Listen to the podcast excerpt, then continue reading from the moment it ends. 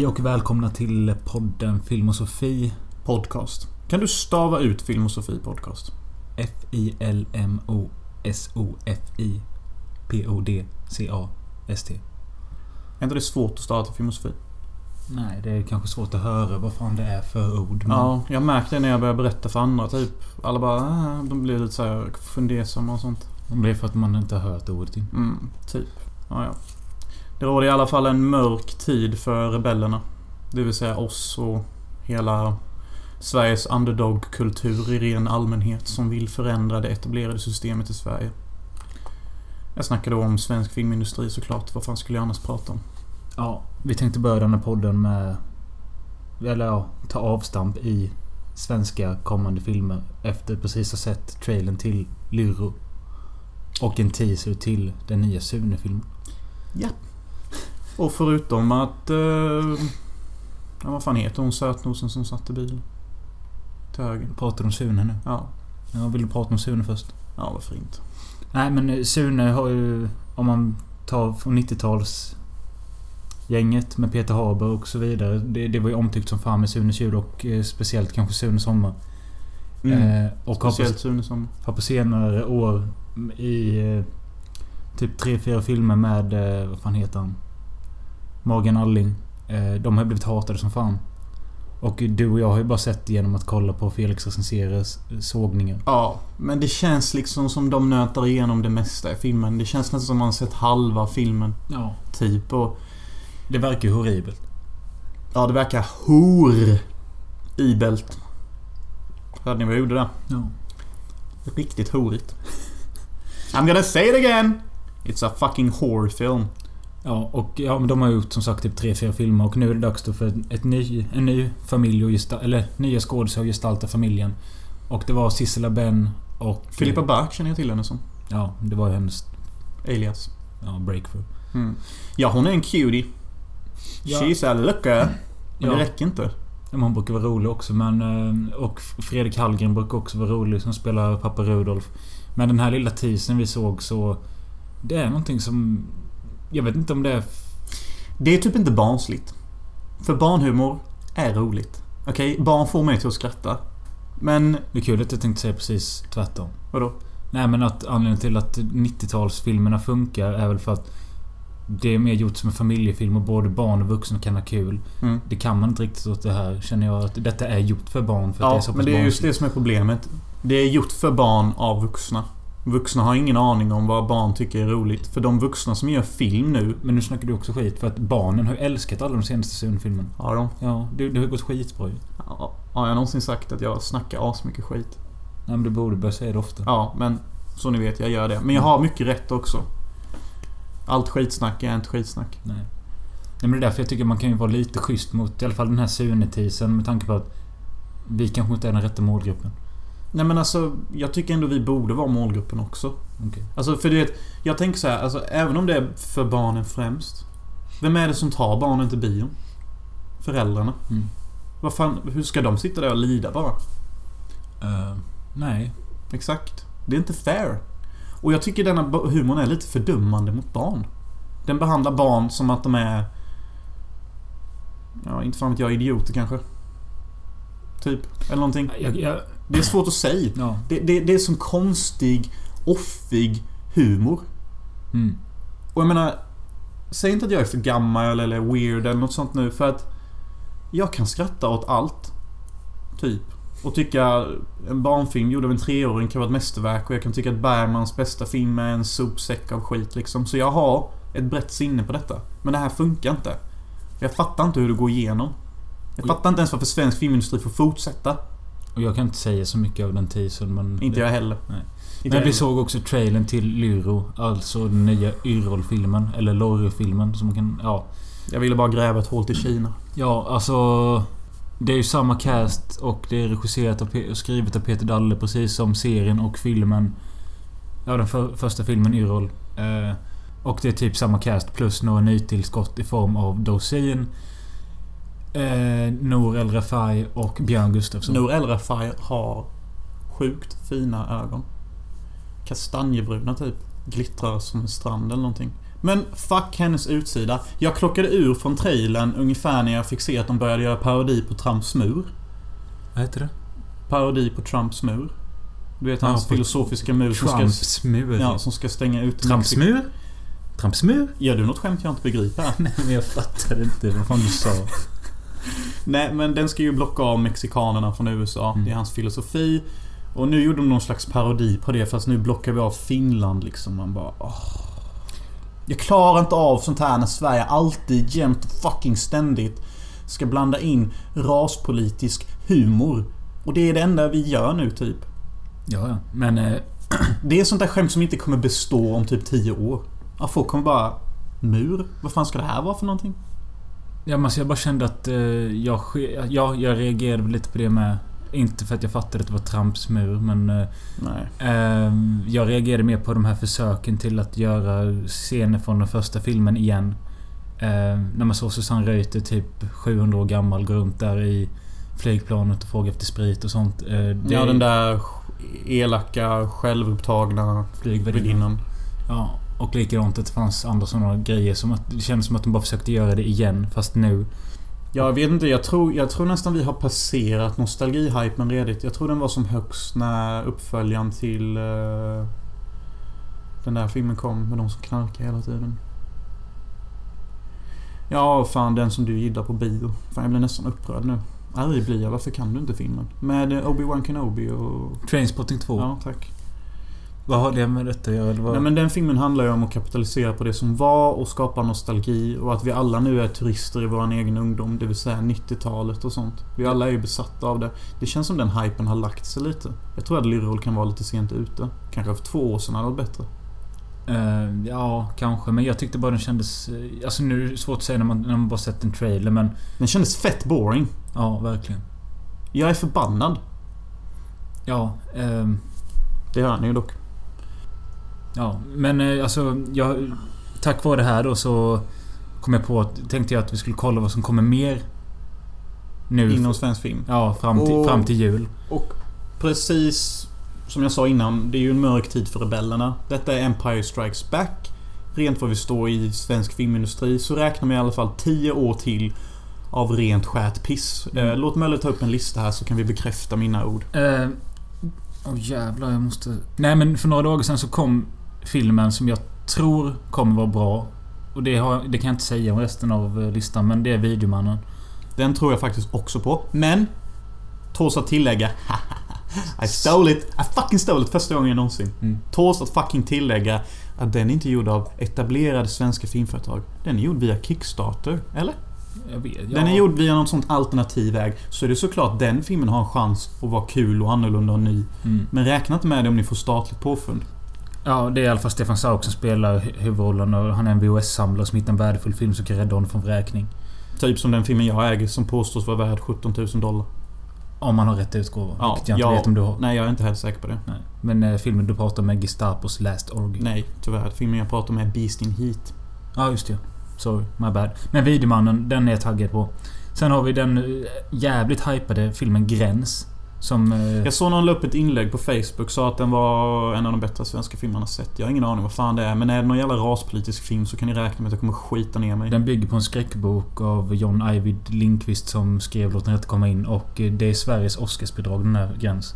Vi Mhm. började kolla på en trailer, du sa bara stäng av. Ja. Eh, Det är någon muterad varelse i trailern som...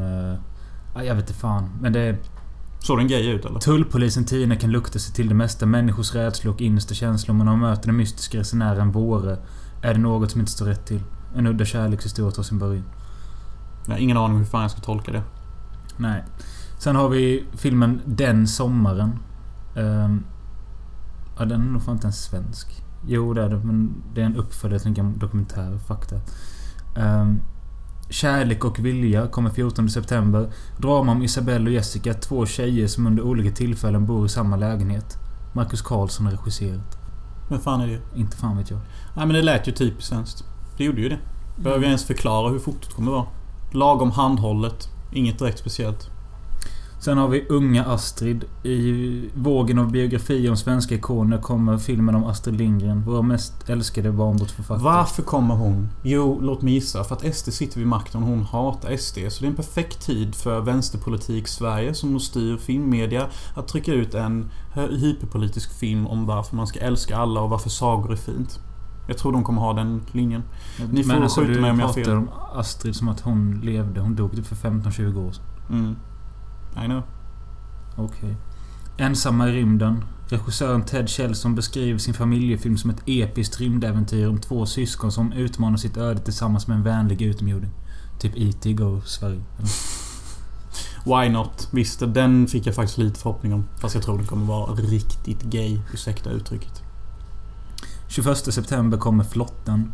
Sommaren 1973 reste sex kvinnor och fem män i en flotte över Atlanten som en del av ett experiment. Syftet var att studera våld och konflikter, men expeditionen blev snabbt omskriven som sexflotten. 40 år senare återförenas de i Marcus Lindéns dokumentär. Ja, ska denna vinkla män som kåta svin som våldtar allt som går om inte poliser står och ser? I'm up for it, men kommer jag få tillfredsställande Fan, du tolkar sexscener? allting sjukt. Nej, det kommer jag inte få. Det är en dokumentär. Alltså, jag sa ju det. Det är väl ingen som hade med sig en kamera under den sexflottan eller? Och är det det så blurrar de väl ut det goda. Sen kommer en dokumentär om Stig Larsson eh, som skrev Millennium-trilogin. Eh, Vänta, vad sa du nu? Det kommer en... dokumentär om Stig Larsson, mannen som skrev Millennium-trilogin. Ja, just det. För vi hade ju inte nog med en Bergman-dokumentär och en eh, Olof Palme-dokumentär utan nu ska vi också få Stig Larsson. Ja. Sure. I'm down!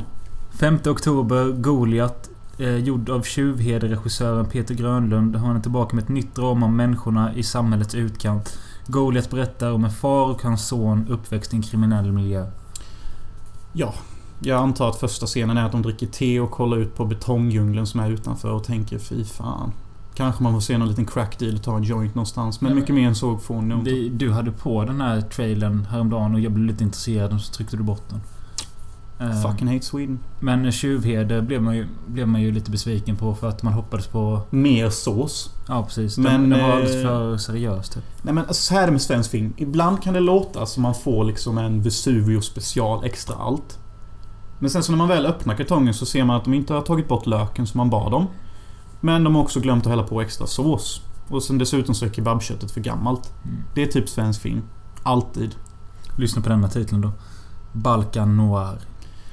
Coolt.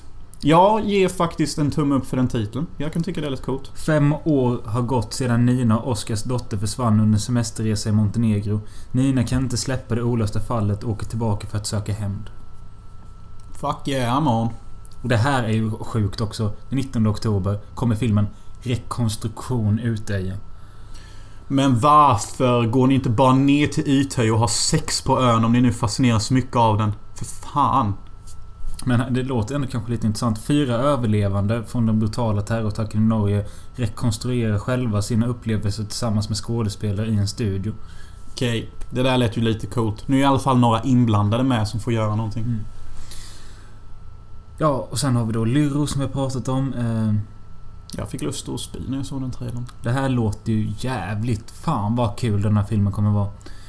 Är du ironisk? Jag, jag har svårt för sånt. Eh, 14 061 dagar bakom kulisserna med världens enda feministiska utrikesminister Margot, Wallström. Yeah, my pussy is very dry now. Eh, sen har vi filmen Halvdan Viking. Barnboken Halvdan Viking blir film med Peter Haber i en av rollerna. Gustav Åkerblom har tidigare regisserat Sune i fjällen.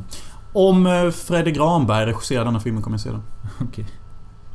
Eh, Leslie brinner. Leslie Tay står inför sitt viktigaste projekt. Att släppa sin efterlängtade debutalbum.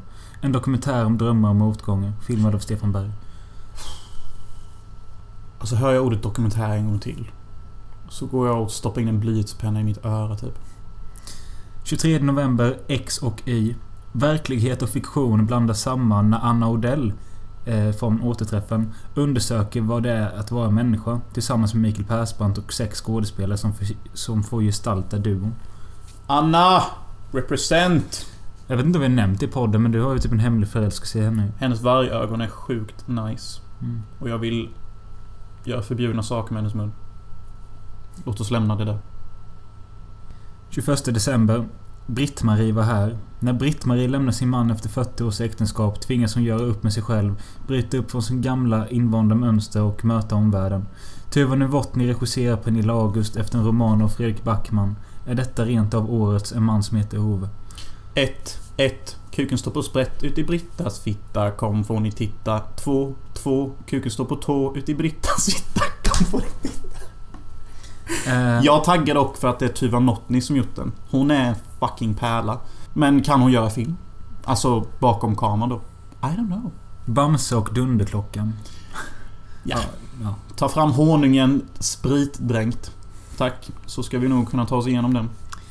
Operation Ragnarök. Ja.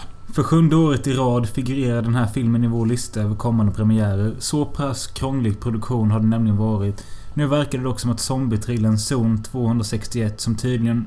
Som nyligen fått den nya titeln Operation Ragnarök faktiskt kanske blir färdigställd i år. Vi håller tummarna. Äntligen. Se, se. Den enda filmen som typ lät originell för svensk standard är den som haft mest problem. Coincidence? No. no, don't even start with that fucking bullshit. Gör du något unikt, de kommer frysa ut dig. Gör något unikt tills du är mannen, sen knulla sönder svensk filmindustri. Here we fucking go! Kom igen! Ehm, ja, jag vet inte vad jag tror om det. Du, Alltså det, det är kul att den görs men jag tror inte den kommer vara bra. nej tyvärr. Tyvärr, alltså det är också det sjuka med det här landet att de som gör annorlunda och unika grejer, jag tänker inte nämna några namn för att det är taskigt. Men ni gör inte jättebra grejer. Ah, Det känns lite elakt att säga så. Det är där felet ligger lite. Tänk om vi alla som gjorde unika grejer kunde ha talang. Då hade vi kunnat förstöra regimen som är svensk filmindustri. Här är en som jag faktiskt tycker låter lite intressant. Yeah, shoot Eh. it up. In i dimman. Mm, Krill, det känner man igen. Krill lever ett dekadent festliv på sina föräldrars skärgårdsö tillsammans med Kicke och Julle. Oh ja! När kompisen Baggy ansluter inser Krill att något inte står rätt till. Baggy beter sig underligt. Är det Frodo Baggins? Så kommer en mystisk ring. Ja, men det låter lite intressant. Ja, det gör det faktiskt. Jag ser framför mig typ en liten sån här duvig bild i eh, morgonskyn och en söt brud hoppar upp från en båt med en champagne i handen och typ går så här joggande och typ bara Ska vi festa eller vad grabbar? Och så har vi ett litet festintro och så. Kan vara en bra film. Mm. Men det är ju så det ser ut i mitt huvud. Ja. Är det en svensk gjort detta så kommer man ju definitivt hitta många tillfällen att fucka upp det på. Eh, och den sista filmen. Detta är en lista från Moviesign så det, jag vet inte om... Movie sign. More like movie fucking dime. Eh, lyckligare kan ingen vara. En romantisk komedi om... Om en utvecklingsstörd man som hittar kärleken. Eller? en Hur långt ifrån sanningen Nej, men det låter som någonting man har sett i alla fall. En romantisk komedi om fem par i olika generationer. Med David Helenius, Helena af Sandberg, Kjell Bergqvist, Filip Berg med mera. Helena F Sandberg kan jag sätta 100 000 spänn på att hon kommer vara den kåtaste av alla i filmen. Annars vågar jag inte säga mer. Nej. Ja, men det var alltså den svenska filmhöst och, höst och vinter. Japp. Jag ser väderprognos, depression, ångest och lasagne i ugn. Ja, det är som vanligt i Sverige. It's gonna fucking blow!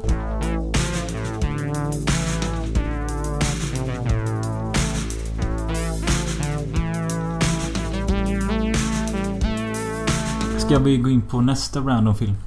Yeah, sure. Från 94 tror jag. 95 bitch. Ja, mycket möjligt. Ben Stillers regidebut kanske? Det är Jaha, är det han som gjort den? Ja, jag tror, Sweet. tror det är hans första film. Undrar hur han var att jobba med med tanke på att alla säger han att han är det, att han är det största dirtbaget ever. Ja, får la ringa Ethan Hawke och Fiona, eller Winona Ryder. Nej, Winona Ryder. Winona. Winona! Shimona! Shimona! Ja. See what I did there? Her name is Wiona, not Wiona! Jag säger Winona. Winona! Du är riktigt störande just Den nu. glömda hitten av Michael Jackson. Sorry. Nej, Jag Sorry. skulle säga att vi får ringa dem och fråga för det är de som är huvudrollerna i filmen Reality Bites. Hello, you've reached the winter of our discontent.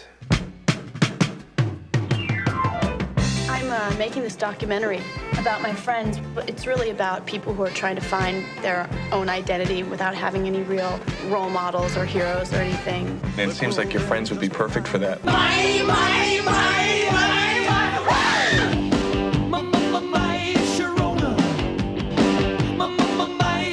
I think the moment has been appropriately captured. Och om ni har följt podden länge så vet ni att Winona Ryder is my secret and one only true crush in this world. Ja. När hon började sno kläder och jag såg det på TV, eller Star då som det hette för den kanalen. Då visste jag att det var Love.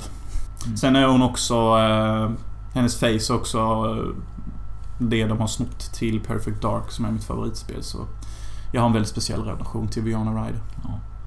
Och jag har ju samma relation till Ethan Hawke. Mm. Man kan ju känna det. Det är typ din secret crush. Det är din man crush. Ja, du hävdar ju det typ. Jag vill hävda mer än att hävda. Mm. Hävdar jag. Ja, nej men eh, ja, jag gillar både Ethan Hawke och eh, Winona Ryder. Men om du måste välja en och dela en säng med så är det Ethan. It's okay bra! Absolut. Ja. Men Reality Bites, vad är det för något? Ja, alltså titeln säger det rätt så jävla bra själv. Typ att... Eh, nej okej, alltså jag tar med min ton till en seriös nivå. Men det är typ så här reality bites. Alltså verkligheten bits. Ja, fan vad, fan vad det lät. Men det är en typ en sån film. Fattar du vad jag är inne på? Ja. Typ att det är liksom verkligheten kommer bita tillbaka. Liksom när du går i college och skola och är i den här bubblan typ. Då är saker fine and dandy. Men ute i verkligheten, det blir lite jobbigare typ. följer ett kompisgäng efter college och vad fan de ska göra med sina liv. Eh, likt många andra filmer. Men eh, den är ju väldigt 90s och eh, det bidrar ju också med att eh, huvudkaraktären Lena Alltså Winona Ryder. Ja, The Love of My Life. hon håller på med en egen dokumentärfilm för att göra en film om sina vänner och deras liv typ. Och det klipps ju in ibland från hennes dokumentärfilm och det känns bara så jävla typiskt 90s med den här DV-fotot och... Eh, Jag tycker vi säger att öppningsscenen är briljant. Det är nog en av de bästa öppningsscenerna jag sett i en film någonsin. När de är uppe på det här taket, taket och hon har filmat. Det måste vara en sån grej som jag tror till och med ungdomar idag, om de hade sett det. Då hade de också nu bara Ja, det är en rätt cool scen. mm. För att den känns så jävla unik. Men det var det jag sa, för jag har ju sett filmen en gång innan och eh, så sa du bara "Ja, är den bra? Eller bara, ah, jag sa att jag vet inte så mycket. Jag minns bara början filmen. De är på tak och filmar med en handhållen kamera. Mm. Typ. Och det är väldigt bra. Och jag kan också relatera utav helvete till denna filmen för att jag är ju typ som Winona Ryder. För att jag har ju också filmat mina vänner och min omgivning. Typ och ska fånga varje moment. Och alla karaktärer håller på så bara Don't you think you have captured the moment now? Ja. Och jag kan komma ihåg att ni har sagt såna grejer också fast på svenska typ. Så jag... Jag och Winona Ryder är lite lika typ. Men så självklart, det handlar inte bara om det utan det är också en liten kärlekshistoria i form av Ben Stiller som har... Han är en chef på den nya TV-kanalen In Your Face TV. Eh, och efter en liten eh, bilolycka med Briona Ryder så får de kontakt och han säger att han kan hjälpa henne med sin dokumentärfilm och att hon kan få den på, eh, visad på hans Ja. kanal. Men detta är ju typ... Alla såna här handlingar vi tar upp nu, de är typ lite mer så här i sidospåret. Egentligen handlar det mer om vilket mindset och, och hur jobbigt det kan vara att hantera verkligheten. Typ som betala räkningar, hantera en depression. Winona Ryder gör ju det att hon ligger hemma i soffan och röker på och röker cigg och ringer 911-nummer. Eller vad fan det heter. Ja, jag vet fan, typ, nej men det är såna jävla betalnummer för Ja. att ringa till eh, eh, medium och eh, Sådana som man bara pratar rådgivare. Typ. Och det ringer hon upp 400 dollar för. Mm. Vilket är helt otroligt. Och så har vi då Mr Ethan Hawke som är en Fy fan vilken roll. Eh, ganska sl- slemmig slacker som liksom bara vill ta dagen som den kommer. Pallar inte gå in i något system. Och... Eh, Han är typ hyperintelligent. Ja, det säger de ett par gånger att... Ja, du har ju sjukt mycket IQ men du använder typ inte det. Nej, och det är så typiskt hyperintelligenta människor. Ja. För att de är för smarta för att förstå att det är helt efterblivet att göra något med sitt liv. Ja. Jag hör! Det låter så jävla paradoxalt. But he's a genius man. He's a genius. Men det är ju typ den inställningen han har. Typ Ja. att vad fan spelar någonting för roll? Och jag kan köpa det lite. Ja. Synd bara att jag har massa ambitioner i mitt liv. Annars hade jag varit precis som honom. Ja, men alltså, ja men det märks ju ändå att han har lite ambition med sin jävla musik. Ja, men det är bara det att alltså, egentligen, vi får inte vara för hårda mot honom. För när vi möter den här karaktären så håller hans farsa faktiskt på att genomgå cancer. Ja. Så det, det kan faktiskt förklara lite av hans äckliga sleaze-beteende och hans random sägning och att han inte alltid är så snäll typ. Ja. Nej men alltså han typ fuckar ju rätt mycket med Vionas huvud. och- Men hon fuckar med honom också så... Mm. Ja. De båda är ju typ kära och de borde bara knulla och det är så fucking obvious. Och de har varit polare så här typ 10-15 Ja. år. Ja. Men alltså jag, jag vet inte vad jag tycker. Alltså Ethan Hawke är så jävla äcklig denna på något sätt. Ja. Jag, jag tycker det är så sl- slemmigt när han är på den där klubben och bara I'm a loser I say on the couch all day. Han sjunger något jävla discount nickelback band eller någonting. Ah. Oh god. Ja, alltså han, han är slemmig. Eh, Och sen så är han bäng hela tiden och typ sur och duschar inte och... Ah, Dear Lord! Shape the fuck up! Ja, men alltså jag föredrar ändå han över Ben Stiller. Typ. Ja, men Ben Stiller är typ... Han är typ snäll och skön och... Ja. Det är så gulligt när han berättar om att han visade. Det är hennes dokumentärfilm för The Big Shot. Som bara... Man... I just was so happy. They, they, they haven't seen quality, you know. They were thrilled about it. Ja. Men de har också klippt om hennes film sen på bolaget ju. Ja, till någon jävla MTV-smörja. Vi klipper hela tiden och förvandlar ungdomarna till idioter. Ja, men det ser typ ut som att de är... Alltså det ser ut som bara ren skär komedi. Ta valfri jävla hetsig MTV-program om ungdomar så är det typ det de gjorde av det. Och hon blir ju skitsärd. Och egentligen fattar inte jag att hon vågade lita på att någon annan klippte om hennes film. Nej. Jag hade aldrig vågat någon klippa på min film. Aldrig. Det spelar ingen roll hur mycket pengar de gett. Jag hade sagt så här: jag tänker supervisa klippningen och är inte jag nöjd så kan ni ta tillbaka era pengar. Mm. Men klart, reality bites. Hon är en naiv ung flicka. Och detta är 90-talet. Alltså, det är inte så lätt som idag att få in sin fot på samma sätt. Så hon kanske bara blev för thrilled för att fatta. Så ja, man ska inte vara för hård mot henne. Jag tyckte den här filmen var bättre när jag såg den första gången. Eh, eh, Den är inte helt perfekt men... Den är ändå... Känns ändå som en slags milstolpe bland 90-talsfilmer. Både med casten och hur den är gjord och de här DV-grejerna. och- Mm, men den är lite så här halvklyschig också typ. Ja, absolut. Den blir lite för mycket så här typ Wiona vill bli ihop med Ethan sen. Jag känner att de borde bara slip, sopat det lite och lagt mer fokus på hennes dokumentärskarriär istället. Men ja, vad fan. Vad fan, man kan inte begära allt. Nej. Och det är ju rätt kul för dig med att ha sett den. Du som gillar 90-tal och inte Mm. har sett det innan. Nej, jag, jag har nog sett vissa bitar känner jag igen. Jag kände ju igen det när de var på taket och sånt. Men eh, ja, en film med Winona Ryder kan jag se any damn day. Fan.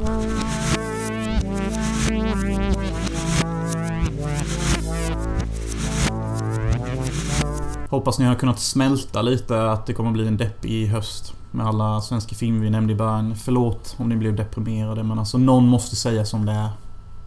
Eller hur? Ja. Och jag tycker ju mest synd om du som kommer vara här under hösten och ta allt first hand. Ja, Som tur är så behöver jag inte, jag inte tvungen att se någon av dem. Nej. Som tur är så slipper ju folk se dem för att ingen kommer ju gå och se dem.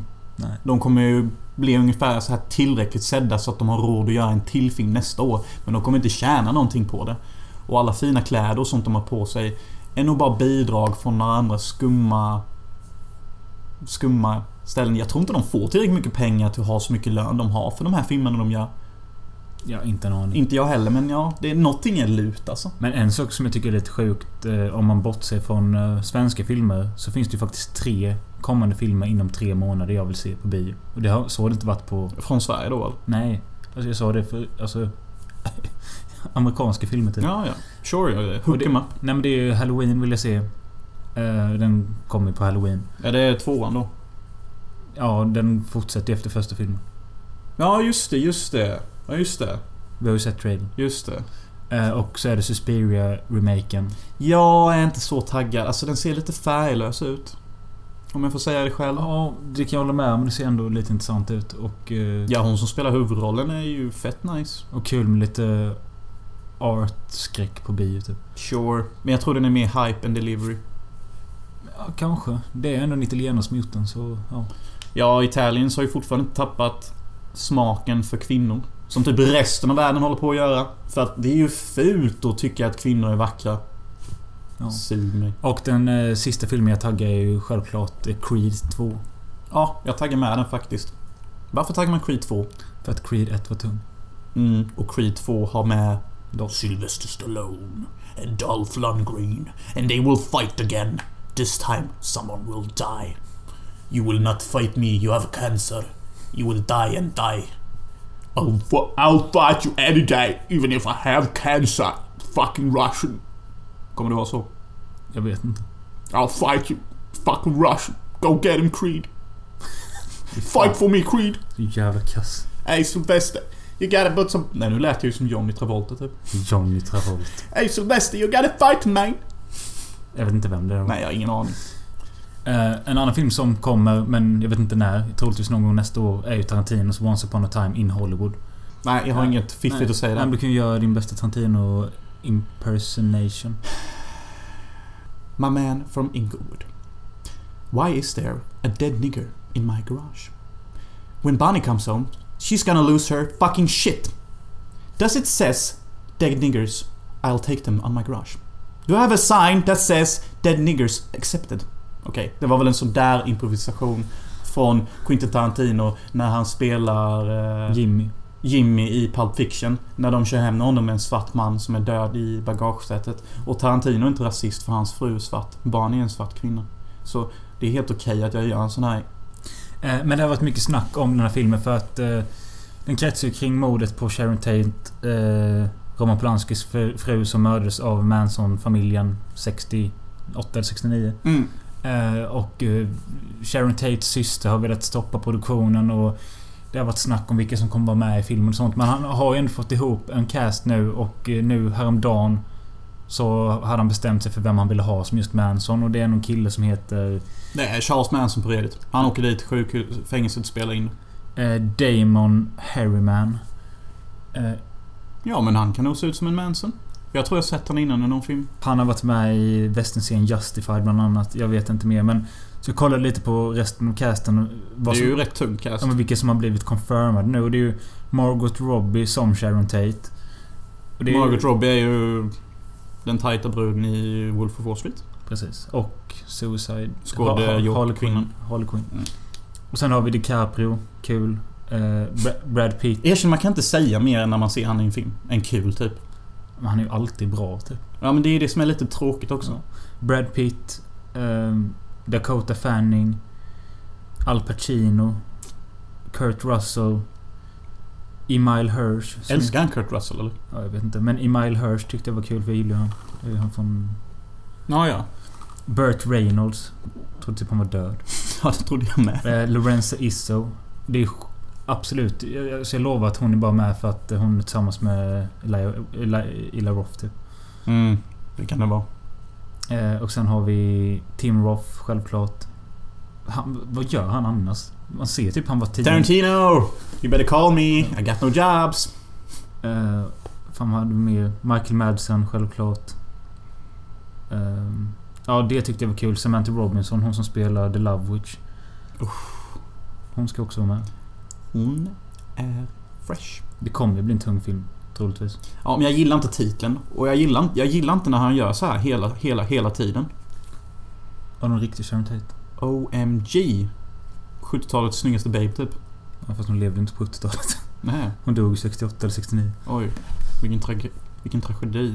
Eh, har Roman Polanski uttryckt någonting om den här produktionen? För det är ju trots allt han som är överlevanden från Manson-attentatet. Det var Ja, hans han, fru och barn Ja, ja, men han var inte med där. Men eh, jag kan kolla upp det snabbt. Vänta. Nej, vad, vad, vad tror jag och tycker om denna filmen? Jo, jag tror definitivt den kommer bli bättre. Både en Hateful Eight och Django Unchanged. För båda de två är typ Cartoon Network-filmer. Eh, med det sagt menar jag att de har typ ingen identitet och bara handlar om att skjuta snabbt och prata drygt. Eh, Once upon a time in fucking Hollywood eller vad den hette nu. Ja, visst, jag kommer gå och se den.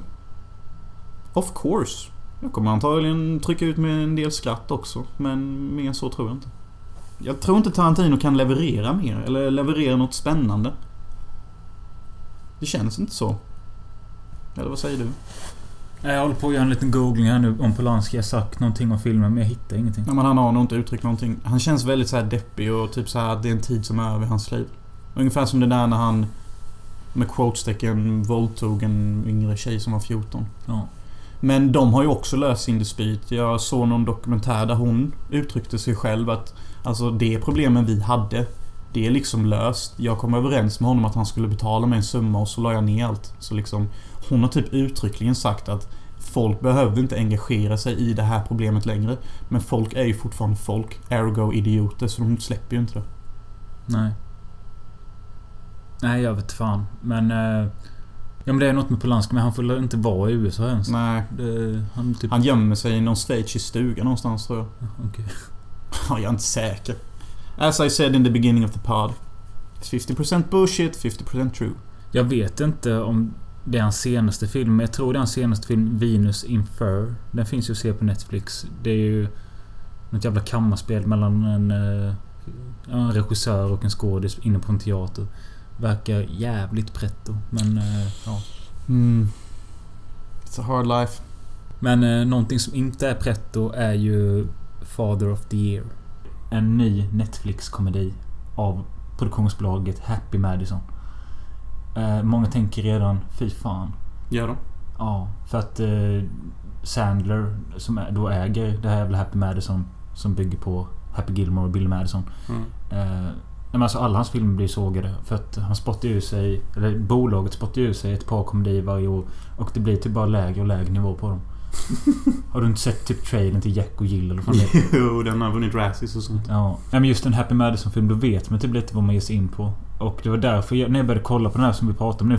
Nämnde jag titeln Father of the Year. Mm. För jag började kolla på den för ett tag sedan när den släpptes på Netflix. Såg 10 minuter och tänkte att jag pallar typ inte detta. Jag gör inte det. Men så igår så satt vi och försökte hitta något att se i... Ja, en fucking evighet. Mm. Timme typ. Tills du sa vad är det där Father of the Year? Ja, för att jag såg att David Spade var med. Ja. Som är typ skitkul. Det är alltså han den där lille korte, halvsnygga, bög-looking eh, killen från Just Shoot Me och eh, Rules of Engagement. Det vill säga han som inte är ihop med någon. Ja, och eh, varit med i diverse komedier. Ja, jag tycker om han som fan. Jag har alltid tyckt han är rolig. Jag har aldrig sett han göra en dålig roll typ. Jag för mig också att han har... Alltså han är typ en sån riktigt... Det är inte många som tycker om honom typ. Varför inte då? Är han svin privat? Nej men alltså typ bara- Det är inte många som gillar han som skådis typ. För att han är lätt att störa sig på. Och alltså jag kan förstå att han är lätt att störa sig på men eh, jag tycker också att He's a han... laugh riot. Ja, laugh right vet jag inte men han är rolig. Men det låter ju på oss nu som att Adam Sandler är inblandad i detta men det är han inte förutom att det är hans produktionsbolag. Mm. Filmen är regi- regisserad av någon jag inte vet av och det är med David Spade och eh, någon annan snubbe i huvudrollen. Mm. Och handlar om två söner som är polare. Vars, den, ena farsan till en av dem är en alkoholiserad jävla loser. Det är ju David Spade. Men jag ser inte han som en alkoholiserad jävla loser typ. Nej men det är Han är ju typ, en livsstil ju.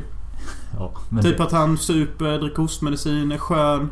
You know, Lawrence, I was thinking if everyone was colorblind, maybe we'd all get along better. Oh wow, that was actually that makes a lot of sense. Yeah. It does? I don't even know what I said. Och först, han är ju typ rätt härlig och god så. Det är bara det att när han får sina blackouts så blir han CP typ. ja. Och den andra killens farsa är typ världens helylle duktig mormon typ. Fast han är inte mormon. Som låter sig bossas runt av sin åttaåriga son. Och han är en skådis som jag känner igen från denna typ av komedi känner jag. Mm, Eh, men jag kan inte sätta fingret på vad han heter eller vem han är eller vad han mer varit med i. Nej. Jag vet bara att jag sett han innan många gånger och att han alltid är rätt solid. ja. Och det var han i denna med liksom. Ja. Tycker hela castet i denna är bra liksom. Fast David Spade sticker ju såklart mest ut. ja. He's the legend. Men alltså handlingen är liksom då att de här två farsorna är väldigt olika och sönerna... Börjar typ skämtsamt prata om vem som kan kicka vems ass. Ja men det är som klassisk grej. Vem, min pappa kan spöa din pappa typ. Mm. Och de är inte så seriösa med det men när han går fram till sin pappa David Spade då. Och berättar om detta så David Spade bara oh, Do you want me to fight him for you? No, I do not want you to fight my best friend's dad. You brought it up. This seems important to you. It's not. It's a non-issue to me. I mean, you think it'd be close. I'll smack this guy around if you want. I don't have to smack around. It's fine with me either way. Not gonna let it ruin my day. Och sen så när han blir full senare på natten så typ bara ringer han ju eller bara går hem till honom och bara I'm sorry, you want to fight me? Nah, I don't really, but I feel like it's best if I did. I don't know if you know, my kid fucking hates my guts. I, I think there's been some misunderstanding. I, I would never fight you. Yeah, what's the big deal? Don't be a fucking puss. Fight today, friends tomorrow. Win a prize or lose a bruise. Alltså han är en sån här riktig softa stoner. Ja. Han säger så sköna lines hela tiden bara... I don't remember the last time I had 50 bucks. Nej. Alltså, han är så jävla skön. Det är hans första komikscen i filmen är askul för att han typ tar ett bad i någons jävla pickup truck som han har gjort i sin pool. Och så gör han det naken. Och sen så kör den trucken iväg så att han flyger mellan bak och fram där och bara Kobunk, kobunk och så ramlar han rakt ut på vägen. Ja, men alltså förutom det här med att eh, deras farsor eventuellt kanske ska spöa varandra. Så är det liksom så här små sidoplott. Alltså ingen är direkt speciellt allvarlig eller viktig för filmen. Alltså Och det är skönt faktiskt. en utav sönerna ska bygga en pool för att... Eh, alltså, inte efter, bli... Nej, de hade ju den där fighten. Han, han, David Spade går hem till någon pappan så har de ju typ en fight och då råkar de förstöra grannens jävla Växthus. typ. växthus och då måste han... Son då får ju skit för det för han får en polisanmälan på sig då. Och då förlorar han sitt jobb. I New York som är typ... Han ska rädda jorden, det är ett jättefint jobb i New York. Så då kommer han överens. Om jag bygger en pool åt dig, tar du tillbaka min polisanmälan då? Så ja, det händer så att han måste bygga en pool. Det är ju rätt engagerat att han bara börjar bygga en pool utan att ha någon aning hur man ska göra. Ja, och det händer typ ingenting. Nej, han kommer inte alls långt. Men ärofyllt för att han försöker. Och under tiden så skaffar han sig också ett love interest. Det vill säga hans typ första flickvän sen sjätte klass. Ja, något som inte sket sig typ sjätte klassen. Ja, och hon ser ut typ som Zoe Dutchs lilla syster Fast inte lika attraktiv. Men alltså ändå god typ. Alltså jag gillar ändå att hon såg så här typ alldaglig. Alltså hon var söt och trevlig och typ kul person att hänga med ser ut som. Och typ skönt ändå att hon inte var a stone cold fucking fox. Utan någon man ändå kan köpa är någon man kan ha känslor för. Typ. Ja, och deras ja, relation känns ju typ så här genuin filmen igenom. De har en fin chemistry. Ja, jag gillar det också. Och jag köper det du säger. Och vi båda reagerade på att när de skulle dricka vin att de drack direkt ur en bag-in-box. Ja, det har jag aldrig sett och det har inte du heller sett. Jo, man har sett det i verkligheten. Ja, men, man- inte i film. Nej. Och... Och denna filmen, jag har nästan lust att ge den här full pott på grund av den scenen som kommer sen. För sen när de ska gå i badet, de gör det i nakendipp. Så det är väldigt spänt läge. Så bara, ska de kyssas eller ska de inte kyssas? Och du vet, i vanliga filmer är det alltid något efterblivet. Som att någon ropar på dem eller att en telefon ringer. Och en telefon ringer aldrig när man ska kyssa någon. Det händer inte. Istället så är det så här att det kommer grodyngel och det blir Men massa- först skvätter han ju vatten Ja, ögonen för han ska ju kyssa henne och ska ju ta tag i henne runt kinderna så som man gör och så kan han skvätta upp vatten i hennes ansikte. Clearly nervous typ. Men sen så kommer en massa fiskar och sånt och pajar det. Och det kändes typ ganska naturligt typ. Ja. Det var inte alls så här krystat typ nu avbröts kyssen utan Det var något fan av det bästa jag sett. Det var ett, äntligen någon Ja, som jag tyckte, fattat. tyckte också det var jävligt bra för att just att man kunde köpa det. Jag Ja. tänkte på dig med din rädsla för fisket. Ja, verkligen. Och ni vet att den, den största klyschan jag hatar är en kyss som avbryts på ett riktigt kastsätt. Mm. Det, det finns inte. Det, Men alltså det var ganska, ganska tidigt in i filmen jag fattade att den här kommer vara bättre än vad jag trodde. Det var för att jag tyckte att den på riktigt var rolig ibland. ja, för fan. Alltså, och att det det- länge sedan typ man såg slapstick-humor. Alltså jag älskar slapstick-humor egentligen. Jag tycker typ det är det roligaste jag vet. Att se folk slå sig på överdrivet komiska sätt. Ja. Nej men alltså den var kul. Men alltså jag rekommenderar att man ska se den med någon polare eller två. Ja. Kanske vara lite intoxicated på någonting. Vet, så att man har lättare till skratt typ. Ja. Eh, Så den kan jag rekommendera. Jag har ingen lust att betygsätta detta. För det är så konstigt att betygsätta komedi. Ja, jag satt och tänkte på detta när jag såg filmen att det är svårt att betygsätta komedier för att de betygsätter man ju typ ut lite efter, efter hur kul de är. Mm. Och det gör ju inte med att se en dramafilm efter hur bra drama det är i den typ. Alltså, eller jo, det gör man ju också men... Nej men alltså komedi är lite annorlunda typ. Alltså, jag tycker liksom, det är därför inte komedier har awards liksom. För att det, det, det är så svårt typ. Vad folk skrattar åt är så himla olika från person till person. Det finns ingenting som skiljer människor så mycket åt som vad folk tycker är roligt typ. Nej. Och det är därför det finns så många olika kompisgrupper tror jag. Och det är väl därför också Judd Apatow eh, vill ju införa bästa komedifilm i Oscarsgalan. För att de har ju aldrig en chans bland de vanliga filmerna och det tycker Nej. jag att de ska ha en egen kategori. Ja. Vad tycker du om det? Ja... Ja, alltså egentligen tycker jag det är lite av en suck i det. Men helt klart, why not? Why not? Jag tycker det är en bra idé för att... Varför inte typ? Men vem ska bedöma komikerna? Vad, vad, vad tycker du är en Oscarsvinnande komedifilm? Om vi säger av det som gjorts sen typ 100 år tillbaks. Typ Dumma Dummare kanske? De hade kunnat ta en kategori för vilken genre som helst på Oscarsgalan egentligen. Mm. Men det är, ändå, det är ändå så svårt typ. Alltså, skulle du säga att Father of the Year är värd en Oscar? Uh, den hade väl kunnat få vara nominerad i kategorin. Ja, jo, jo men alltså jag köper det typ. Men det är bara det att det är jävligt weird. På något sätt. Jag kan inte sätta fingret på det. Alltså ska det vara ironiskt då eller? Eftersom det är komedipris. Nej. Nej, det är just det här som blir problemet. Du vinner en award för att du är kul typ. Det blir typ så här. Okej. Ska vi skratta nu? Alltså nej, jag tycker det är konstigt alltså. Det blir blo- blockeringar i mitt huvud. Jag kan inte köpa Är det inte kul att få ett pris för att det inte är en jävligt rolig film? Ja, men... Vadå, ska folk rösta om vilken film de Ja, tycker är roligast? Då? Ja, i, i så fall tycker jag det är helt okej om man kan göra ett röstsystem. Egentligen så tycker jag ju inte egentligen om att det sitter typ fyra judges och bestämmer vem som har gjort bästa filmen heller. Kritiker är ju precis som du och jag. Eller fan din granne. Liksom... Se sju filmer, du har rätt att ha åsikter om en film typ. Ja, jo, men Typ. så är det. Egentligen. Nej, men Father of the Year rekommenderas. Ja, absolut. Som jag nämnde så är det ju en Happy Madison-produktion och vi har sen vi såg den också kollat på Grown-Ups. Grown-Ups 1 är jävligt skön. Och har ett fint budskap om att leka ute i solen och kasta macka är inte så jävla tråkigt och innehållslöst som det låter. Nej, jag vet inte fan vad budskapet är med den filmen egentligen. Det är, jag, jag ser det mer som en, ja, en skön film om gamla polare som återförenas typ. Mm, men det är mycket så här element, typ när... Adam Sanders unge ser TVn så bara Vad fan är det stora feta som sticker ut bakom TVn? Mm. Ja, det är en sån här gammaldags TV ni vet om ni kommer ihåg såna. Och typ och han bara Jag vill ha gelato. Vilket är någon konstig glass. Och han begriper inte vad han ska göra med en sten han håller i den och är den bara kasta stenen. Gör någonting med den. Och den har många sådana element. Om vi spelar Arrow Roulette. Som är helt fucking crazy. Man skjuter en pil rakt upp i luften och den som står kvar längst är kung. Liksom, det är livsfarligt. Men alltså sådana grejer som människor gjorde förr. Innan 2000-talet tog över med all sin iPad och skit. Ja. Då gjorde man ju mycket sån här utomhusskit som var random och kul. Och folk kan leva på de minnena. Men jag tycker också det att det känns... När man ser den, här, den filmen att eh, liksom, det här är ett skönt gäng som liksom har kul under inspelningen också. Som är Kevin James och Adam och... Vad heter han? Chris Rock Mm. och David Spade. Just det, det var det och, jag hade svårt för. Ungefär alla de namnen du nämnde. Jag för mig, precis som jag sa innan i Father of the Year, att de levde i samma community när de gick i skola eller någonting. Mm. Och det är därför de har sån tight bond. Glömde nämna Rob Schneider. Mobban. Ja, Den mobbade. Ja, den mobbade. Men alltså jag förstår det för man har ju typ lust att mobba honom typ. Jag brukar kalla han Robert Schneider. Bara för att jag tycker att ingen annan visar han respekt. Ja, nej men ja, jag vet fan. Det är ett skumt gäng. Verkligen. Och vad, Chris Rock. Vad, jag har alltid blandat ihop med Chris Tucker. Men jag vet att Chris Tucker är han från Rush Hour och Chris Rock är från... Rush Hour 2. Nej. Nej, jag skojar. Vad är han? Vad har han gjort? Everybody Loves Chris. Det är han va? Ja just det, den där konstiga Ja, sitcom-serien. det var där jag. han blev känd så. Nej. Men vem är det i Femte Elementet då? Chris Tucker. Ja. Oh, Stupid Green! Men ja, han är ju en cool svart man. Men inte lika cool som han vi kommer prata om nu. King Kong ain't got shit on me! In the next 24 hours, you will learn about the streets,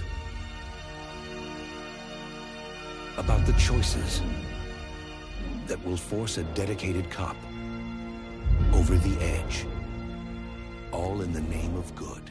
Filmen är i alla fall Training Day från 2001 kanske? Jag är nästan säker. Ja, 2001. Eh, av en regissör jag redan glömt av namnet på för det var något spanskt kanske? Antonio Fuck You. Ja, det var något sånt.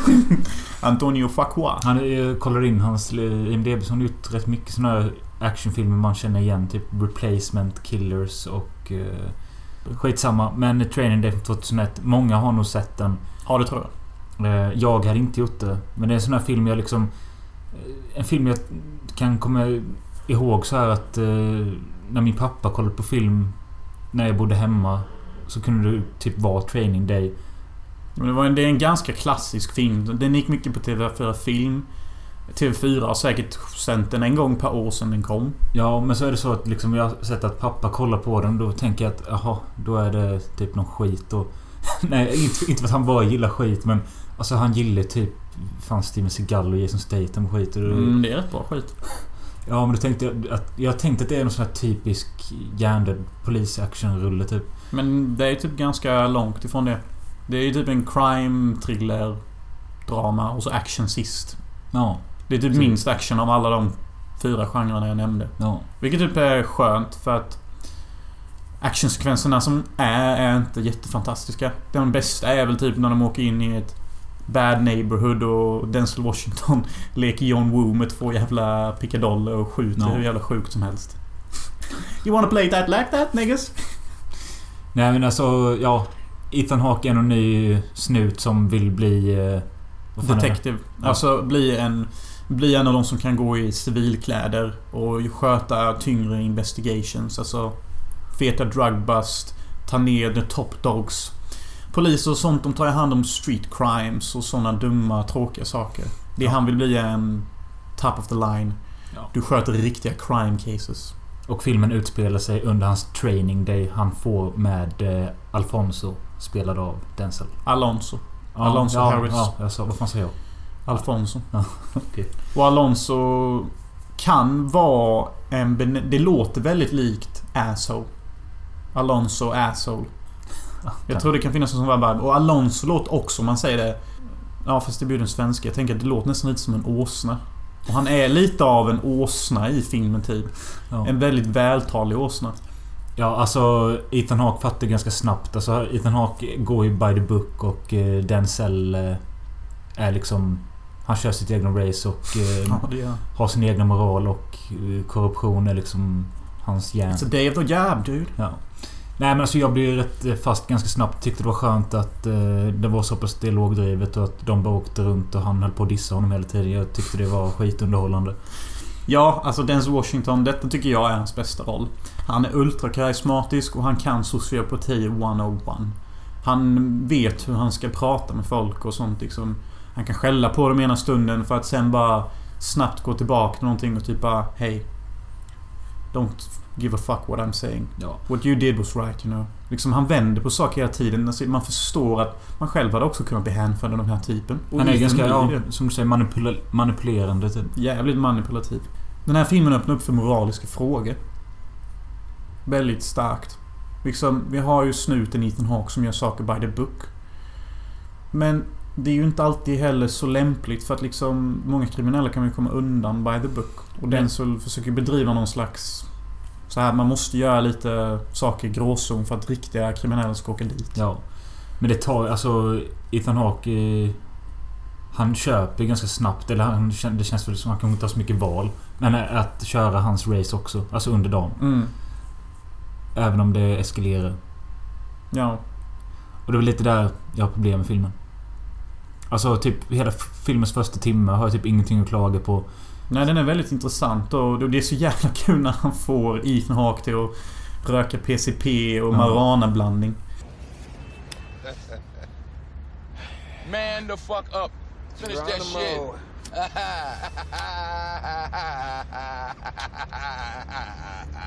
Let's go, nigga. Let's go. Och jag tyckte allting det var så jävla skönt. eh, Are you high dog? Ja, allting var så jävla skönt gjort för det blev inte för mycket att han typ höll på att trippa sönder. Och det var- blev inte för lite heller, utan det var liksom att han blev skev och liksom åkte runt och bara flöt med. Och medan han satt och typ trackade honom och jag tyckte det var skitbra. Han är så jävla ful och bara It's not like I put a gun to your head. Nej. Säger han. Och det var exakt det han gjorde Ja. typ. You gotta smoke that shit Bran.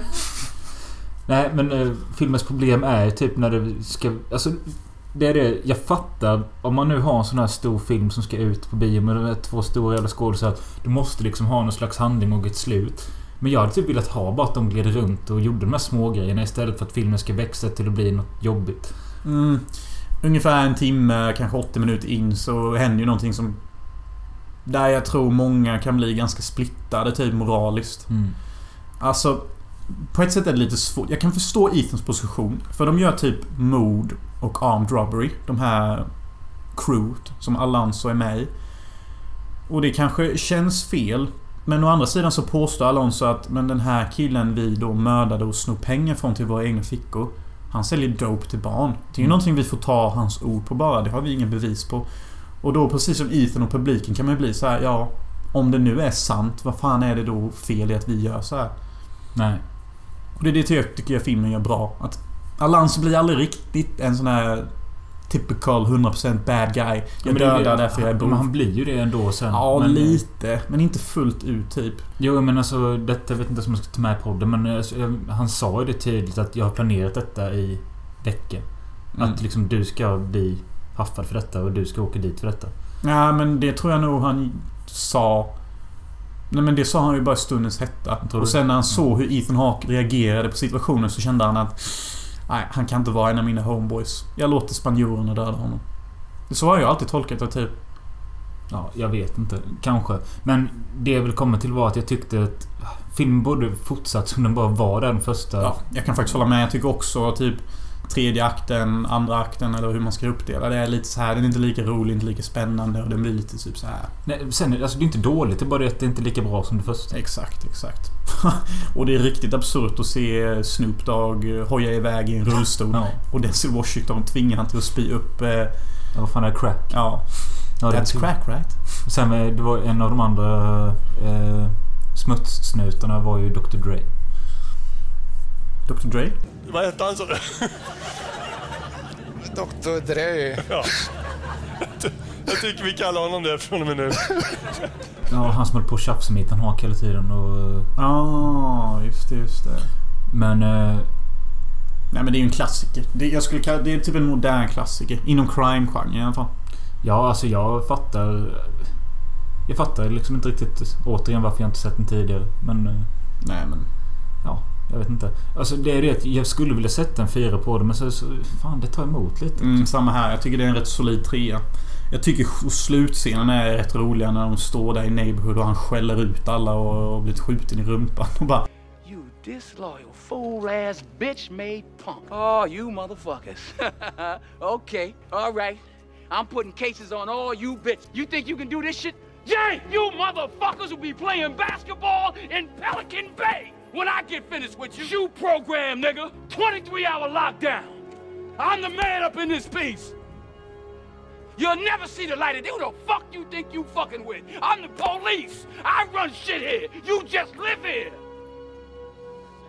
Yeah, that's right. You better walk away. Go on, walk away, because I'm going to burn this motherfucker down.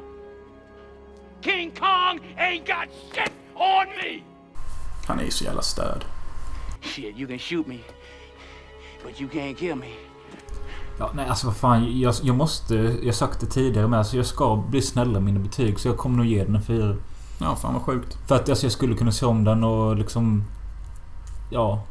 Ja men den är jävligt rolig faktiskt. Man typ småfnittrar typ genom hela filmen. Mm.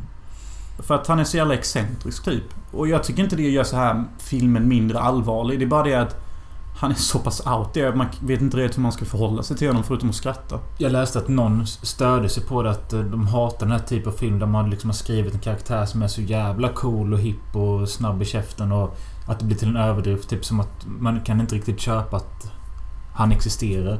Jag kan typ göra det. Ja, det tycker jag nästan man kan också. Mm. För alltså liksom...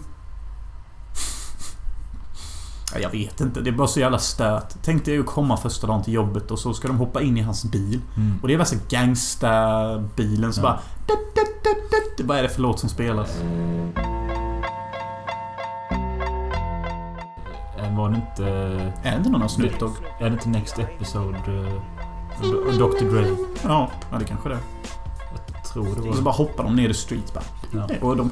Alltså den jag kan säga med att jag tycker det är så jävla gött med hur Denzel lever sina dagar. Alltså de, de, dricker, ja, men de dricker ju hela tiden typ. Ja. Alltså jag, jag tänkte på det att fan båda måste ju vara fulla typ. eh, Ja. Efter ett tag. Det det är för det är rätt stabila glas whisky så det är öl lite här och där och glas vin och... Ja. Han kör definitivt sitt egna race.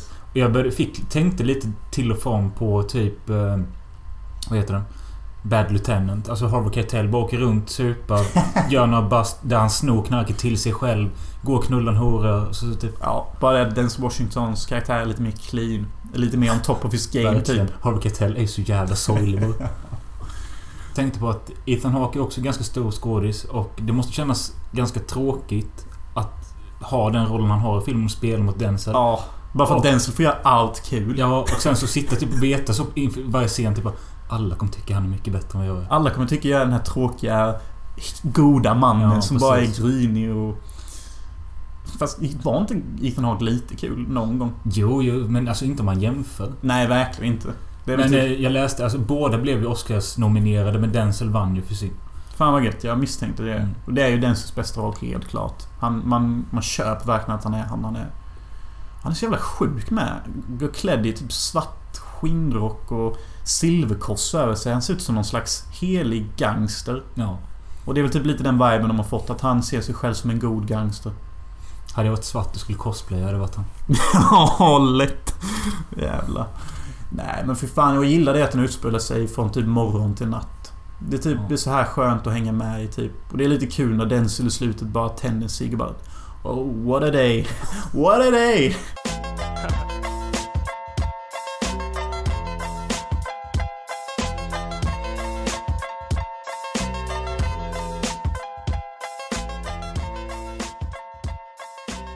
Vi har snackat jävligt mycket film detta avsnittet. Det var typ länge sedan vi snackade så här jävla mycket om just film. Ja, men vad fan inte då för? Nej.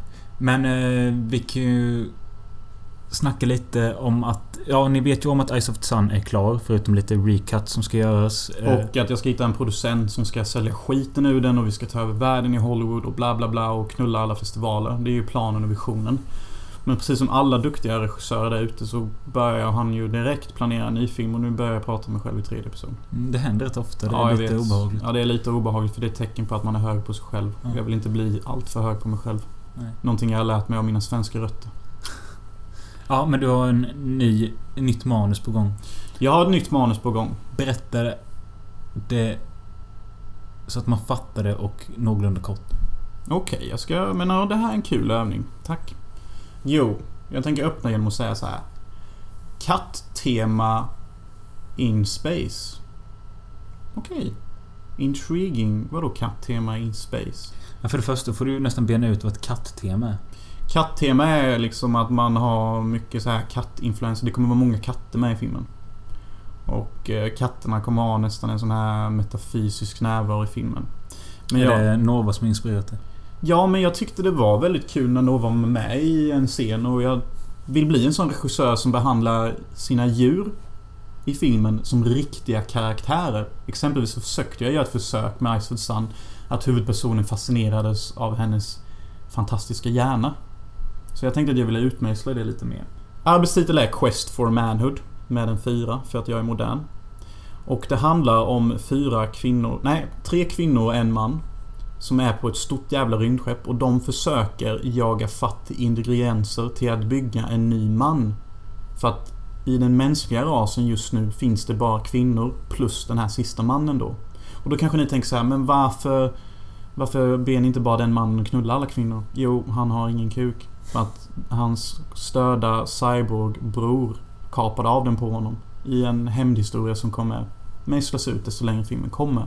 Och det handlar om då deras, liksom så här Hur kommer de överens på rymdskeppet? Vad fan ska de hitta?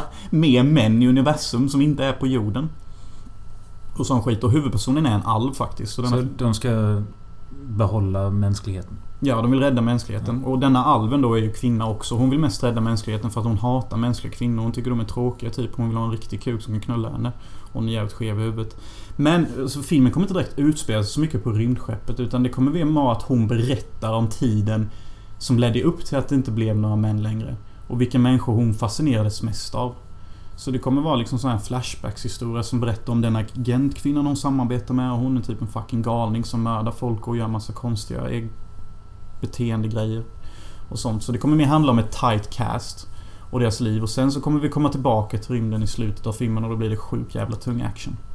Plus en twistvändning som inte alls handlar om att rädda mansdomen längre utan det börjar handla om att rädda något annat, något viktigare. Det låter ju onekligen intressant. Det låter också avancerat och eh, med tanke på hur lång tid Eyes of the Sun tog så kanske vi kan se den filmen om 12-13 år. Chilla lite. Jag är ju en väldigt billig regissör. Jag det kommer vara ungefär 20 gånger så mer budget än vad jag hade till Eyes of the Sun. Vilket då ungefär är typ 200 000 kronor. Så... Eh, liksom jag tror liksom mycket green screen, bra folk och liksom sånt. Och jag kommer ju typ göra den på samma sätt som jag gjorde Ice of the Sun. Inte så jättemycket studio eller producenter inblandat utan ge mig cash så gör jag skiten själv typ. Så det, det är lite det. Så det hoppas jag ni blir taggade på. För att det kommer vara en del vågade sexscener. Med katter. Men jag tänkte, du kanske inte ska berätta för mycket. Det hade kanske varit kul att göra typ om en, två veckor. Att du berättar om en scen typ. Och så kan man göra det lite då och då. Ja visst, absolut. Eh, Jag har ju skrivit färdigt ungefär de fyra första scenerna. Så visst. Eh, ska jag berätta Om någon du, scen? nej men alltså har, har du skrivit med dialog och sånt eller? Mhm. Okej. Ja men vi kan göra någonting utav det någon gång. Ja men det kan bli spännande. Så kan det bli en liten följetong. Precis som Master of the Sun. För när jag började med Master of the Sun var ungefär samtidigt som vi började med podden. Och den har ju ni trogna lyssnare hört jag nämna då och då. Så jag tänkte vi kunde göra lika grann grej nu. Mm. Dock vill jag också inflika. Det finns en risk att jag kanske lägger detta projektet på paus. Och tar och börjar med Ice of the Sun 2 direkt. Det beror så lite på hur saker blir med Ice of the Sun 1. Jag menar blir det sån här superhype och folk tigger om en tvåa. Okej, då kanske jag gör en tvåa. Men alltså, man får se. Men om det blir aktuellt så kan jag berätta om Sun 2 också. För att jag har typ ett helt färdigt manus till det med. Det är gött. Mm. Du är en man fylld med energi. Tack. Ja, jag måste göra någonting annars så bara ligger jag och dricker ihjäl mig typ. Mm. Och hade en filmtitel beskrivit mig så hade det varit Sleepless in Seattle. ja, hur fan går det med din jävla fucking sömnlöshet? Killen sover inte tydligen. Nej, men... Eh, Nej, det blir ju det blir inte bättre. Jag vet inte varför. Men... Jag tycker det är så roligt att prata med dig om dina sömnproblem. För att jag frågar dig typ Men vad är det du liksom tänker på? När du inte kan sova? För det är ju ett vanligt problem att man tänker för mycket och då säger du typ Nej, jag, jag vet inte. Och så frågar jag så här lite mer humant. Men vad fan känner du då? För att jag är ju en fin person. Och då säger du också likadant Nej, jag vet inte vad jag känner. Och då tänker jag direkt så här att ja, han, han behöver ju ett pro. Ja, alltså någon form av hjälp behöver ju men... Eh, Jag tycker du ska se Insomnia för inspiration. jag tror jag har sett den. I alla fall remaken. Mm. Originalet är väl danskt eller norskt eller? Ja, det kanske det är. Jag för mig det. Ja, men skitsamma. Jag sover väl för lite och det vet ni redan om. Eh, jag ska försöka sova om några timmar. Och sen så har jag en riktigt seg fittvecka framför mig. Ja, fy fan. Han ska jobba förmiddag, det jävla ludret. Nej, förlåt. Ja, och eh, vi hörs någon gång. Va, vadå hörs? Är vi färdiga? Ja, jag vet inte det. Vi ska ju prata mer om ditt sömnproblem. Ja, vad fan. Det finns ju... Alltså... Det finns en rätt rolig historia, men folk brukar ju tro att du är bästa knarkare ibland. Ja, ja det, men det med Arbetsförmedlingen. Ja, när de såg dina svarta påsar under ögonen då. Ja. Och de bara la handen på hans ben så här bara Knarkar du Robin? Vi finns här för dig. Det vill säga vi ringer snuten så fort du säger ja på denna frågan. Ja, det var inte riktigt så illa men det var typ... Det var innan jag blev- fick jobb typ för fem år sedan och jag hade stora jävla påsar under ögonen. Har fortfarande till och från hela tiden. Men... eh, Ja, då började den här tjejen fråga mig om jag knarkar med tanke på, min, på min, hur mina ögon ser ut. Och jag sa bara nej men jag sover för lite. Hon bara vad är du uppe på nätterna? Och jag bara nej jag försöker sova. Mm. Hon bara ja okej. Ja, är du säker på detta då? Annars kan vi fixa folk att snacka med. Jag Det bara, betyder polisen och en jag pål upp i bara, röven typ. Tack och hej och så gick det. Tack och hej leverpastej. Mm. En annan grej jag vill ta upp med det här med ditt sömnproblem är att Jag kom ju med det filosofiska förslaget att du ska bara säga till dig själv att Jag accepterar och tycker om dig ändå. Trots att jag inte somnar. Det är okej. Vi behöver inte sova. Så kanske någon spärr släpper att ja, men, han älskar mig ändå trots att jag håller honom vaken. Då kanske jag tillåter dig att somna. Ja. Ja, jag får testa Men det är den. ju alternativ psykologi. Jag får testa den taktiken ikväll. Det tycker jag. Eller melatonintablett eller vad sa du det heter? Ja, melatonin. Jag tror det är någonting som... Det triggar igång det man blir trött av i kroppen. Ja, så här är det. Melatonin eh, produceras när det är kolsvart i rummet. Faktiskt. Man kan inte producera det under dagsljus. Ja men alltså det, det är någonting som gör dig trött. Ja. Men det är inte mitt problem. Jag är ju fan trött hela tiden. Ja, du är jättetrött hela tiden. Och jag tycker det är så konstigt. Alltså... Och, och, det är ju inte pussy dryness. Liksom. Så det- det, borde ju liksom göra att han lugnar ner sig lite och kan somna. Men nej, nej. Det är ju något, det är något mer existentiellt här verkar det som. Mm, det är det verkligen. Jag tror att du behöver jobba på ett manus. Eller en fet film. Ja, kanske det. Skriv en film om insomnia. Du vet ju hur det känns. Mm. Jo, jag kanske gör det. Day 55. Still no sleep. The sheeps are running wild. Can't seem to find my wife. I, even, I don't even have a wife. Nej, jag vet fan. Är det på Grönland? Det är ljust dygnet runt eller vad fan är det någonstans? Nej, det är nog i Lappland. En viss tid om månaden. Ja. Fast det är mörkt då. Får inte på Grönland med. Ja, skitsamma. Jag vet inte vart det är ljust hela tiden. Förutom i Guds famn. Där är det alltid ljust. Mm. Jag ska söka efter den i natt. Mm. Det finns ju så här tolvstegsprogram för någon som inte kan somna. Först måste du erkänna att allt är ditt fel. Och sen som steg nummer två måste du giva upp det till högre makter. Och steg tre är att skriva till alla du har gjort illa. Och steg fyra är att skita i denna tolvstegsprogrammet för det suger. Tack för dina råd. Mm. Eh, har ni som lyssnar några bättre råd så skriv till oss på Filmosofi på Facebook. Eller kanske på Instagram. Eller på Snapchat. Eller privat. Ja, har vi något mer vi ska nämna angående vad, vad som eh, får förväntas till våra Patreon-stödjare? Har vi något nytt kul som vi kan tisa lite om? Uh, ja, alltså... Alex hade förslaget om att eh, vi borde prata lite längre om just en specifik film. Mm. Eh, och det är ju egentligen... Men alltså det, då tycker jag att det ska vara någon film som vi verkligen känner för att se och som, som, som det känns att vi kan prata mycket om. Mm. Eh, Chill önskade ju att vi skulle göra en sån Patreon-podd om Terminator eller om det var Terminator 2 eller både och. Jag vet inte. Eh, jag vet inte vad jag känner för Terminator just nu. Men jag tänker så att Antingen kommer ett förslag eller så kommer du och jag på tre förslag som vi kan lägga ut och så får lyssnarna välja någon av de tre och så gör vi, ser vi den filmen och pratar lite längre om den. Det kan vi också göra. En annan grej som också kommer komma upp är en, eh, en till sån festpodd som vi hade. Vi vågar inte lova när det kommer. Men det kommer komma upp en sån på Patreon i alla fall. Eh, de, anledningen till att de festpoddarna inte dyker upp här är för att de är... De är too much. Liksom. Alltså, visst, vi kan låta dark och disturbing här ibland också. Men här har vi i alla fall vårt förstånd med oss. Tänk dig typ vårt prat fast man tar bort förståndet så får ni en idé om hur det kan låta. Alltså jag är ju en sån människa att knulla. Det förstår jag ju. Vad sa du att du var? En knullare? Jag är en sån människa att knulla. En sån Du är en sån som människor vill knulla? Jag tror det. Ja. Alltså Pick eh, inte. minst Ja. eh, 25% av mänskligheten vill nog knulla mig. 25 procent? Fan, 25% av mänskligheten vill knulla mig. Jag tror det. Tror du? Ja, det tror jag. Alltså jag menar att de skrattar. Vilket Men det är ett jävla... jä- Ja, självförtroende. confidence du har alltså. Alltså jag tyckte Det ändå är jag drog rätt lågt. America. Jag tror ändå jag drog rätt lågt. Hade jag varit överdriven hade jag sagt 75% men jag tror ändå 25%. Okej, ba- nu låter jag skitdum. Nej men alltså... du- Men du- 25% av mänskligheten, hur många är det? Typ såhär typ 300 biljoner. Jag vet hur många det är. Jag fattar det. Alltså Jag jag, är realistisk om jag är det. glad att det är en list- procent vill knulla mig. Jag är också det det. är asmycket men det är inte mer än 25% som jag sa. Jag är glad om en vill knulla mig. Jag förstår att du är glad över det. Och jag hade också varit jävligt glad om 1% fick knulla mig. Men jag är realistisk. Jag förstår att 25% fick knulla mig. Men, Och, men varför tar du upp detta efter Rebecca Fronvin? Nej men jag... Där kan du inte köpa att någon, att någon vill knulla dig. Var det inte någon som frågade mig hur många procent som ville knulla nej. Nej. Du bara sa det. Och därför borde ni bli Patreon-stödare. Och blir ni Patreon-stödjare, då betyder det att jag kommer involvera er asmycket i mina kommande filmprojekt. Och då kanske ni till och med kan få en roll. För fan. Jag blir liksom så...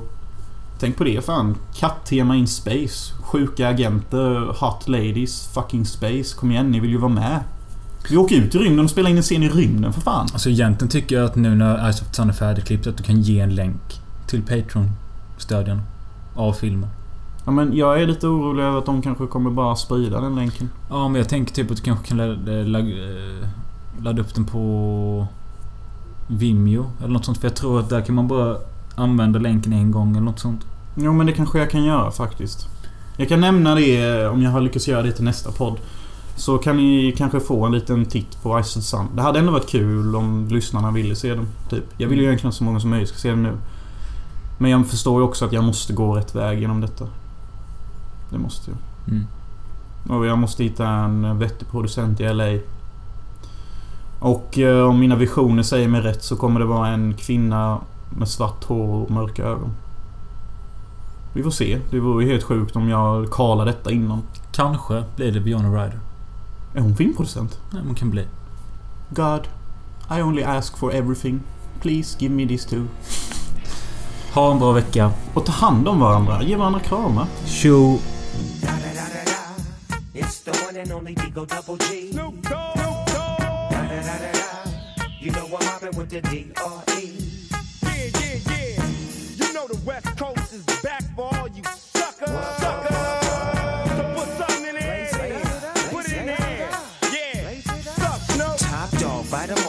burning it up. DPGC, you should be turning it up. CBT, LBC, yeah, we hooking back up. And when they bang this in the club, baby, you got to get up. Cuz homies, thug homies, yeah, they giving it up. Low life, yo life, boy, we living it up. Taking chances while we dancing in the party for show. Slip my girl a when she crept in the back door. Chickens looking at me strange, but you know I don't care. Step up in this mother, just a swank in my hair. Trick, quit talking, quick walk if you down with the set. Take a put some grip and take this on the jet. Out of town, put it down for the father of rap. And if you happen to get cracked, trick, shut your trap. Come back, get back, that's the part of success. If you believe in the S, you'll be relieving your stress.